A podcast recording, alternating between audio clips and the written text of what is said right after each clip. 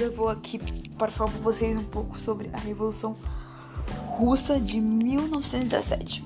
O que foi a Revolução Russa? A Revolução, a Revolução Russa foi uma série de eventos políticos na Rússia, né? Lógico. Que após a eliminação da, da autocracia russa e depois do governo, né, provisório, né, como todo mundo sabe, das ocorrências políticas, que foi um evento político, então teve governo provisório, ditaduras, não, não vou falar ditaduras, várias coisas até chegar ao que é a Rússia na Primeira Guerra Mundial. E que resultou que no estabelecimento do poder soviético, né? Sobre o controle do partido de, de Butcher-Kelevich. Eu não sei o nome desse, desse partido direito, muito complicado de falar. E o que e resultou num processo né, de, de, da criação do, da União Soviética que durou até muito recentemente, por acaso, é, até mil, mil, não pode ser muito recentemente porque ainda foi no século 20, mas ainda mesmo no século 21 é, é muito recente, 1991 muito recente para mim. Okay, no começo do século 20, a Rússia era um país de economia atrasada, né? e dependente de, da agricultura, que e pois 80% da, da sua economia estava concentrada nos campos, né? Aí eu vou falar o quê? Da construção do, de, do Estado soviético, que resultou em, nessas mudanças de desenvolvimento econômicos pelo partido, né? Bolshevik.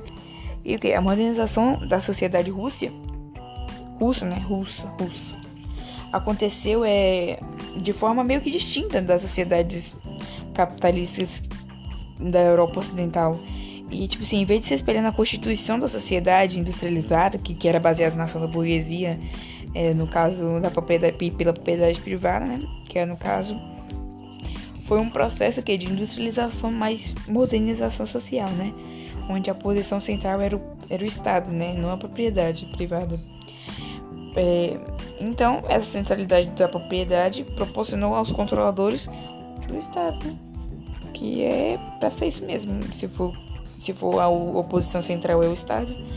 E com esse grande processo de modernização que a Rússia estava passando, ganhou tipo, um grande impulso na segunda metade do século XIX.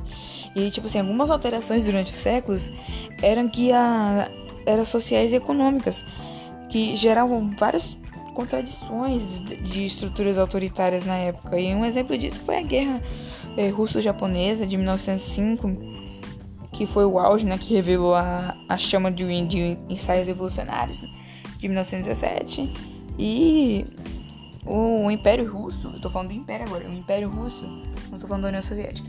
O Império Russo foi um dos principais interessados na Primeira Guerra Mundial, mas mas o exército russo não era páreo para o exército alemão, mesmo o exército alemão tendo perdido a Primeira Guerra.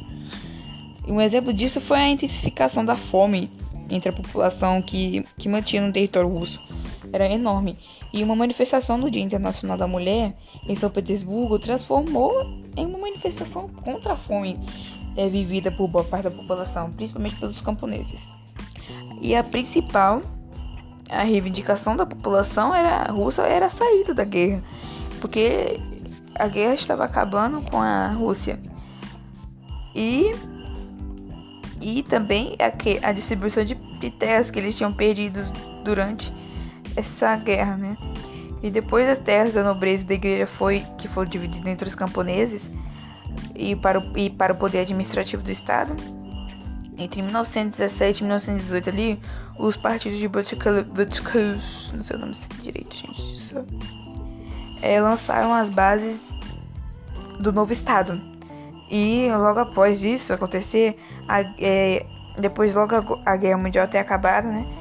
Iniciou que a Guerra Russa, a Guerra Russa, a Guerra Civil Russa, que, que durou entre 1918 e 1921 é, e conseguiu apoio de potências capitalistas, gente, ocidentais para tentar derrubar o nascente do poder soviético, né? Mas levou outro rumo isso aí. Aí com o poder, com poder não, com o período de centralização do controle econômico, político e social né, da guerra civil mudou toda a organização da União Soviética, né? Foi muito complicado, viu? E com isso os burocratas puderam iniciar o planejamento da economia soviética impulsionando a industrialização da União Soviética. E a gente pode perceber esses reflexos na na, impulsa, na, na, na, na impulsão da, da, da, da, da industrialização a partir da Segunda Guerra Mundial e da Guerra Fria, que a gente viu os reflexos dessa guerra civil aí tomar, tomar na impulsionalidade da, da industrialização russa, que foi muito importante na, na, na, na história da União Soviética, na, principalmente na, na Guerra, Guerra Fria, que, que foi a Guerra Fria, que, que foi a Guerra Fria já é outro caso, outro podcast aí, isso aí é, isso aí é muito mais outro episódio aí, ó. Mas é, no caso é isso sim o que foi que aconteceu com a União Soviética, o que foi essa Revolução Russa, o porquê a Revolução Russa saiu da Primeira Guerra Mundial. Ah, só para deixar claro aqui, a, a saída da, da Rússia na Primeira Guerra foi proporcional para a entrada do, dos Estados Unidos, que ajudou o exército francês, o, o britânico, o britânico foi, do exército britânico a acabar com, as, com o exército alemão. E várias coisas que aconteceu durante essa, essa guerra e durante essa revolução que foi importante. Teve uma influência na Primeira Guerra Mundial. Então é isso, até o próximo episódio. Guerra Fria, espero. Viet que durou até muito recentemente, por acaso.